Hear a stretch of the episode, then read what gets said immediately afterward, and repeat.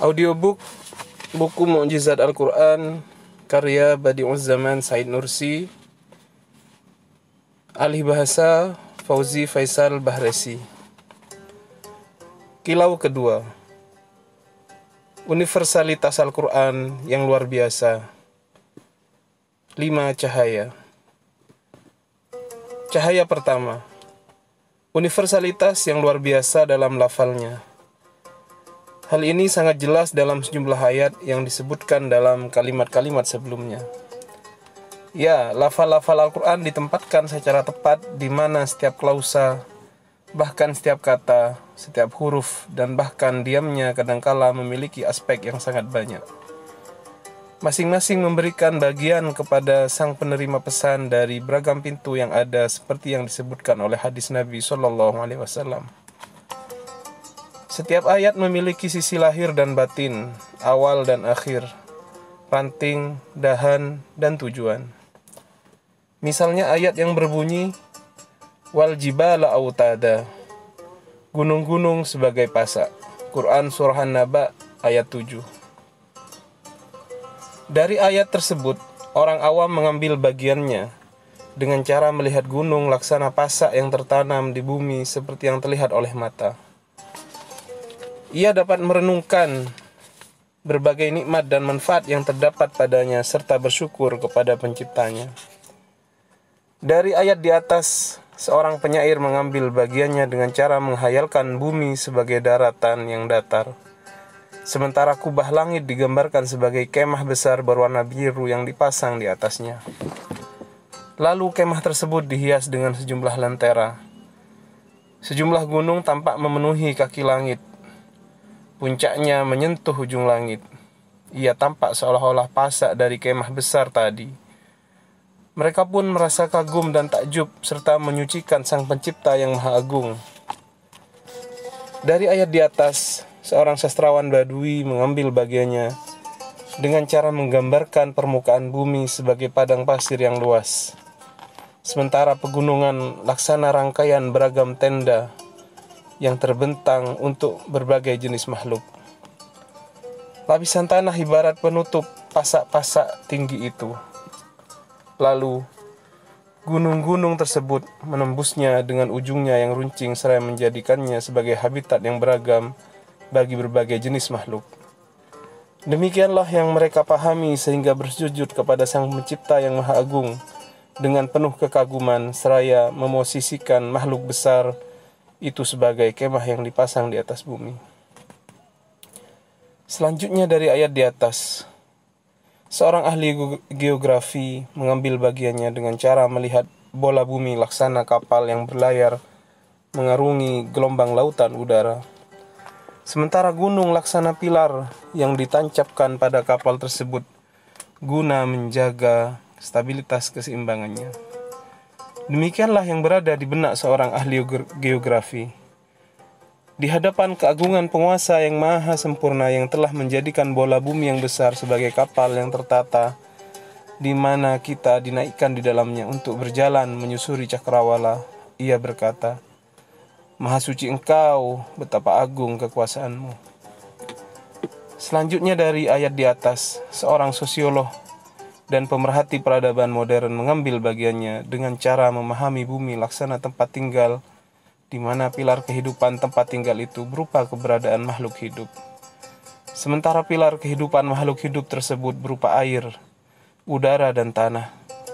Kemudian pilar kehidupan ketiganya adalah gunung, sebab gunung merupakan tempat penampungan air, penyaring udara dengan menyerap gas-gas berbahaya, Lindung tanah dengan menahan luapan air laut, sekaligus merupakan tempat penyimpanan berbagai hal yang dibutuhkan manusia. Begitulah ia memahami sehingga ia bersyukur dan mensucikan Sang Pencipta yang Maha Agung dan Pemurah yang telah menjadikan gunung-gunung besar sebagai pasak dan gudang tempat menyimpan kebutuhan hidup di atas bumi yang menjadi habitat kita.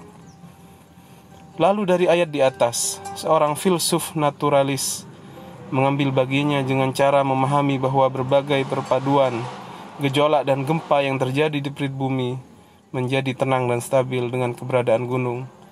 Jadi gunung menjadi sebab stabilitas bumi diputar sumbu dan porosnya serta membuatnya tidak keluar dari orbitnya. Seolah-olah bumi bernafas lewat celah-celah gunung sehingga murkanya menjadi reda. Demikianlah ia memahami dan beriman secara berkata, hikmah hanya milik Allah. Contoh lain, anna samawati wal arda kanata ratqan fafataqnahuma. Langit dan bumi tadinya menyatu kemudian kami membelah keduanya. Kata Rotkon yang artinya menyatu pada ayat di atas memberitahukan kepada kalangan yang belum terkontaminasi dengan pemikiran filsafat bahwa langit tadinya bening, tidak berawan, dan bumi tandus, tidak ada kehidupan di dalamnya. Nah, yang membuka pintu-pintu langit dengan hujan dan menghamparkan bumi dengan tanaman hijau adalah zat yang menciptakan semua makhluk dari air tadi. Seolah-olah terdapat semacam pengawinan atau penyerbukan di antara keduanya. Ini semua diatur oleh zat yang maha kuasa dan maha agung, yang permukaan bumi baginya laksana kebun kecil dan awan yang menutupi wajah langit merupakan mesin penyiram untuk kebun tadi. Demikianlah yang bisa dipahami olehnya sehingga ia bersujud di hadapan keagungan kudrahnya.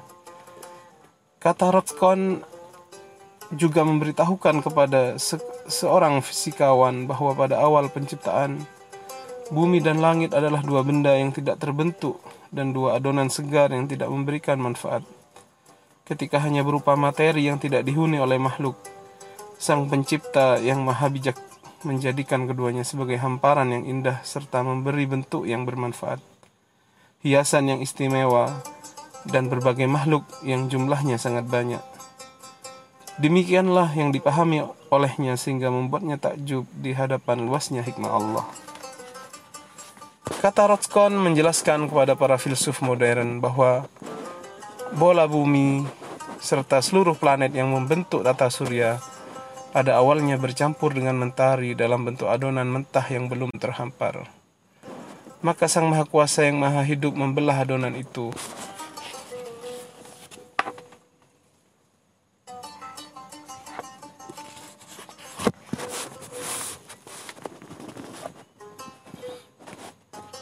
serta meletakkan berbagai planet pada tempatnya masing-masing.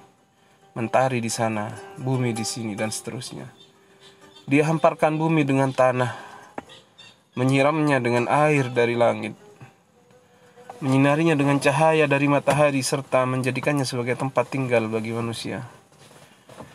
Begitulah yang dipahami olehnya sehingga ia mengangkat kepala dari kubangan alam serai bersekata, Aku beriman kepada Allah yang satu dan esa. Contoh lain. Wasyamsu tajri li mustaqarril laha. Matahari berjalan di tempat peredarannya. Quran Surah Yasin ayat 38. Huruf lam pada kata li mustaqarrin yang bermakna tempat peredaran menunjukkan makna lam itu sendiri untuk makna fi yang artinya di dan makna ila yang artinya ke atau menuju. Huruf tersebut dipahami oleh kalangan awam dengan makna ilah. Mereka memahaminya, mereka memahami ayat di atas sebagai berikut. Mentari yang memberimu cahaya dan kehangatan berjalan menuju tempat peredarannya, dan pada suatu saat ia akan sampai kepadanya.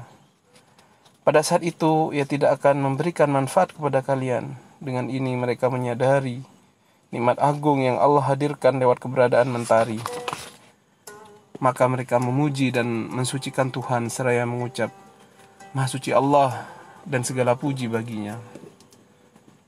Ayat yang sama juga memperlihatkan huruf lam dengan makna ila atau menuju kepada seorang yang berilmu. Hanya saja di sini mentari tidak diartikan sebagai sumber cahaya semata, namun sebagai kumparan yang melahirkan sejumlah kreasi ilahi yang dirangkai pada pabrik musim semi dan panas juga sebagai tinta cahaya bagi pesan ilahi yang ditulis di atas lembaran malam dan siang. Inilah yang terdapat di benaknya. Ia mencermati tatanan alam yang menakjubkan yang ditunjukkan oleh peredaran mentari secara lahiriah. Maka ia pun tunduk bersujud di hadapan Sang Pencipta yang maha bijak, seraya berucap Masya Allah untuk kreasinya dan Barakallah untuk hikmahnya. Sementara bagi astronom huruf lam dipahami dengan makna fi yang berarti di. Artinya mentari mengatur gerakan sistem tata surya laksana pegas jam dengan cara berotasi berputar pada porosnya. Di hadapan Sang Pencipta yang Maha Agung yang telah menciptakan benda laksana jam besar ini, ia tercengang dan kagum saya berkata, keagungan dan kekuasaan ini hanya milik Allah. Ia meninggalkan filsafat dan masuk ke wilayah hikmah Al-Quran. Huruf lam di atas dipahami oleh seorang alim yang bijak dengan makna sebab atau huruf yang menunjukkan situasi dan kondisi. Artinya, Sang Pencipta yang Maha Bijak menjadikan berbagai sebab lahiriah sebagai tirai bagi berbagai urusannya. Dia mengaitkan berbagai planet dengan mentari lewat hukumnya yang disebut dengan gravitasi. Dengan hukum tersebut, dia menjalankan berbagai planet lewat berbagai gerakan namun tetap tertata rapi.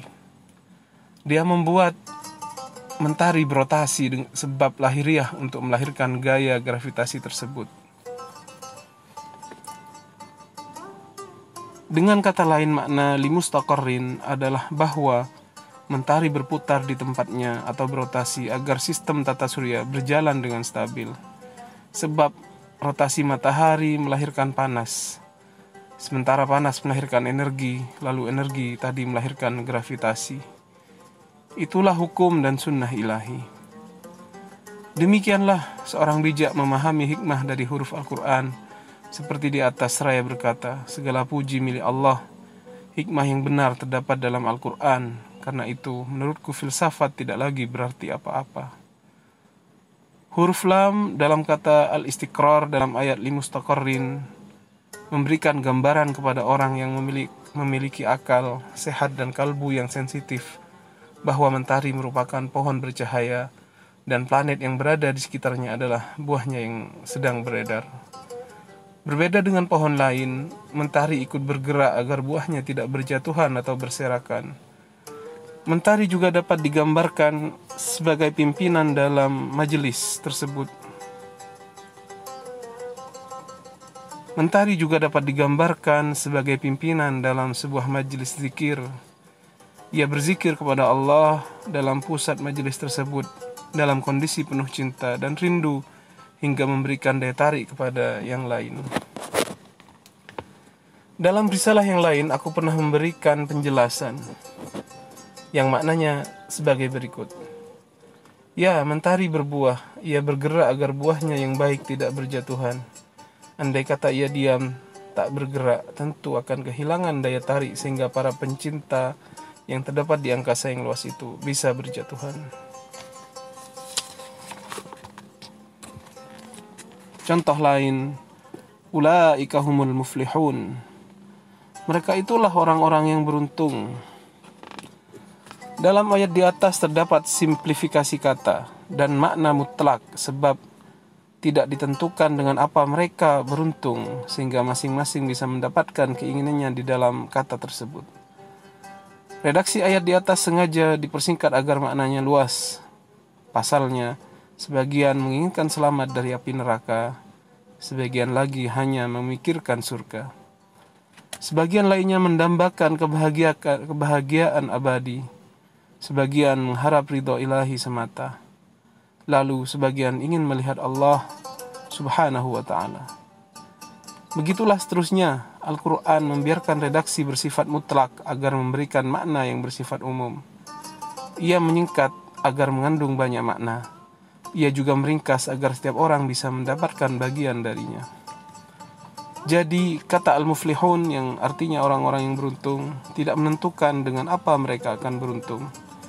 Dengan adanya simplifikasi kata, Seakan-akan ayat tersebut berkata, Wahai umat Islam, bergembiralah. Wahai yang bertakwa, engkau akan selamat dari neraka.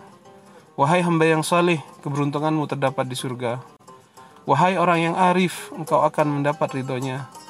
Wahai pecinta keindahan Allah, engkau akan bisa melihatnya. Demikian seterusnya. Kami telah mengemu, mengemu, mengemukakan satu contoh dari sisi universalitas kata, klausa, kata, huruf dan simplifikasi yang terdapat dalam Al-Quran di antara ribuan contoh yang ada. Anda bisa menganalogikan penjelasan yang telah kami kemukakan dalam Anda bisa menganalogikan penjelasan yang telah kami kemukakan dengan ayat dan kisah lainnya. Contoh Fa'lam annahu la ilaha illallah wastaghfir li dzambik.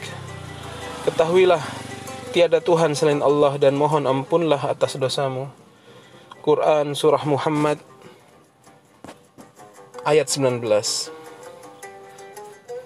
Ayat di atas memiliki banyak aspek dan kedudukan sehingga mereka sehingga semua tingkatan wali dalam sarana, suluk dan derajat mereka yang berbeda-beda membutuhkan ayat ini. Masing-masing mereka dapat mengambil nutrisi spiritual yang sesuai dengan tingkatannya karena lafal jalalah merupakan nama yang mencakup seluruh asmaul husna. Di dalamnya terdapat berbagai jenis tauhid sesuai dengan jumlah nama itu. Di dalamnya terdapat berbagai jenis tauhid sesuai dengan jumlah nama itu sendiri. Artinya tidak ada zat pemberi kecuali kecuali Dia. Tidak ada pencipta kecuali Dia. Tidak ada yang maha pengasih kecuali Dia. Demikian seterusnya. Sebagai contoh, kisah Musa alaihissalam yang termasuk salah satu dari kisah-kisah Al-Quran. Di dalamnya terdapat sejumlah pelajaran sebanyak manfaat yang terdapat pada tongkat Musa. Pasalnya ia menenangkan dan menghibur Rasul Shallallahu Alaihi Wasallam, memberikan ancaman kepada kaum kafir, menghinakan kaum munafik, mencela bangsa Yahudi serta berbagai tujuan serupa lainnya. Jadi ia memiliki banyak aspek. Oleh karena itu, ia terulang dalam sejumlah surah meskipun ia, menget ia mengetengahkan semua tujuan tersebut pada setiap tempat. Namun salah satunya merupakan maksud utama sementara yang lain bersifat sekunder. Barangkali engkau berkat, bertanya, bagaimana kita dapat memahami bahwa Al-Quran menghendaki semua makna seperti yang disebutkan dalam berbagai contoh di atas? Jawabannya, Selama Al-Quranul Karim merupakan pesan azali yang Allah jadikan sebagai sarana, sarana komunikasi dengan ragam tingkatan manusia sepanjang masa, serta membimbing mereka semua, sudah pasti dia memasukkan banyak makna agar sejalan dengan tingkat pemahaman yang beragam sekaligus memberikan sejumlah tanda atas kehendaknya itu. Ya, dalam buku Isyaratul Ijaz, kami telah menyebutkan sejumlah makna yang terdapat di sini dalam buku Isyaratul Ijaz kami telah menyebutkan sejumlah makna yang terdapat di sini. Berikut berbagai makna kosakata Al-Quran yang sejenis. Kami membuktikannya sesuai dengan kaidah ilmu gramatika serta sesuai dengan ketentuan ilmu bayan.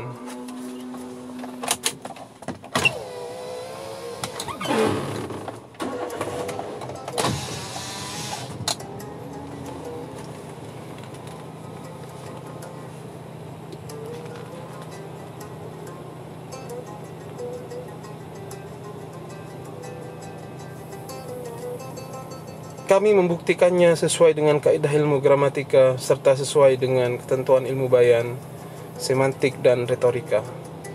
Di samping itu, semua aspek dan makna yang sah menurut ilmu bahasa Arab benar menurut ilmu usuluddin sejalan dengan kaidah semantik sesuai dengan ilmu bayan dan dianggap baik dalam ilmu retorika atau balaghah. Semuanya termasuk makna Al-Qur'an. Hal itu didukung oleh kesepakatan para mujtahid, mufassir, ulama usuluddin dan usul fikih serta lewat saksian sudut pandang mereka yang berbeda-beda. Al-Quranul Karim telah memberikan sejumlah petunjuk atas setiap makna tersebut sesuai dengan tingkatannya. Ia bisa bersifat verbal dan non-verbal. Petunjuk yang bersifat non-verbal bisa dilihat dari sisi konteks atau lewat petunjuk dari ayat lain yang menjelaskannya.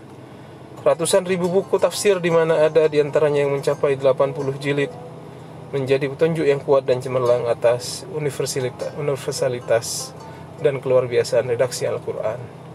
Bagaimanapun, andaikan dalam kalimat ini setiap isyarat yang menunjukkan kepada setiap maknanya dijelaskan dengan kaidah yang ada, tentu pembahasannya akan panjang. Karena itu, kita cukupkan sampai di sini dan Anda bisa merujuk kepada buku Isyaratul ijaz fi madhanil ijaz. Cahaya kedua. Universalitas yang luar biasa dalam maknanya. Ya, lewat berbagai maknanya yang agung, Al-Quran telah menyediakan limpahan sumber rujukan bagi semua mujtahid. Rasa bagi seluruh kaum arif, jalan bagi seluruh kaum yang mencapai tingkat ma'rifat. Sarana bagi seluruh kalangan yang sempurna, serta mazhab bagi semua ahli hakikat. Di samping itu, Al-Quran menjadi pemandu dan pembimbing bagi mereka pada setiap waktu dalam menapaki tangga spiritual sekaligus menjadi penebar cahaya, sekaligus sebagai penebar cahaya terang di atas jalan mereka dari hazanah yang tidak pernah habis. Sebagaimana hal itu telah diakui dan disepakati oleh mereka. Cahaya ketiga Universalitas yang luar biasa dalam ilmunya Ya, di samping mengalirkan ilmu syariat dan sangat beragam ilmu hakikat yang beraneka macam dan ilmu tarekat yang tak terbebas dan ilmu tarekat yang tak terbatas dari lautan ilmunya. Al-Quranul Karim juga mengalirkan secara melimpah dari lautan tersebut hikmah hakiki dari wilayah yang bersifat mungkin ilmu hakiki dari wilayah wajibul wujud serta berbagai pengetahuan tentang negeri akhirat yang penuh rahasia jika kita ingin mengetengahkan contoh dari ayat ini, maka dibutuhkan tulisan satu jilid penuh. Karena itu kami hanya menjelaskan 25 kalimat yang telah dibahas sebelumnya. Ya, berbagai hakikat yang benar dari ke-20 kalimat itu tidak lain merupakan 25 tetes dari lautan ilmu Al-Quran. Jika terdapat kekurangan pada kalimat-kalimat tersebut, maka hal tersebut, maka hal itu kembali kepada pemahamanku yang terbatas.